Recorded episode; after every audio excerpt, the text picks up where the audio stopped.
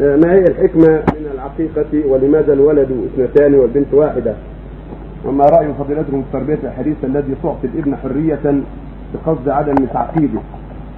هذه سنة شرعها الله من عباده من نبينا صلى الله عليه وسلم وشرع يذبح عن الغلام شاتان وعن الجار الشاة وقال كل غلام وكان بعقيدته وتذبح عنه ومسابعه ويحرق ويسمى هذا شيء شرعه الله وبه مصالح لا شك أنها لم تشرع عبثا ولا سدى بل شرعت حكمة بالغة.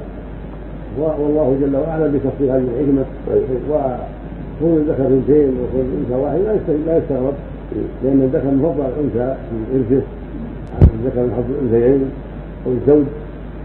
يعطى الربع حال عدم وجود الولد والنصف حال الولد والأنثى بعد النصف مع الولد ثمن عدم الربع. هذا شيء معروف في الشريعة. لأن الذكر له شان والأنثى لها شان والله جل جل وعلا ثبت بين النساء والرجال في مسائل كثيرة بحكمة بالغة. هذا المؤمن يمتثل أمر الله وأن يسارع إلى شرع الله وإن لم يعلم الحكمة وربنا حكيم سبحانه وتعالى.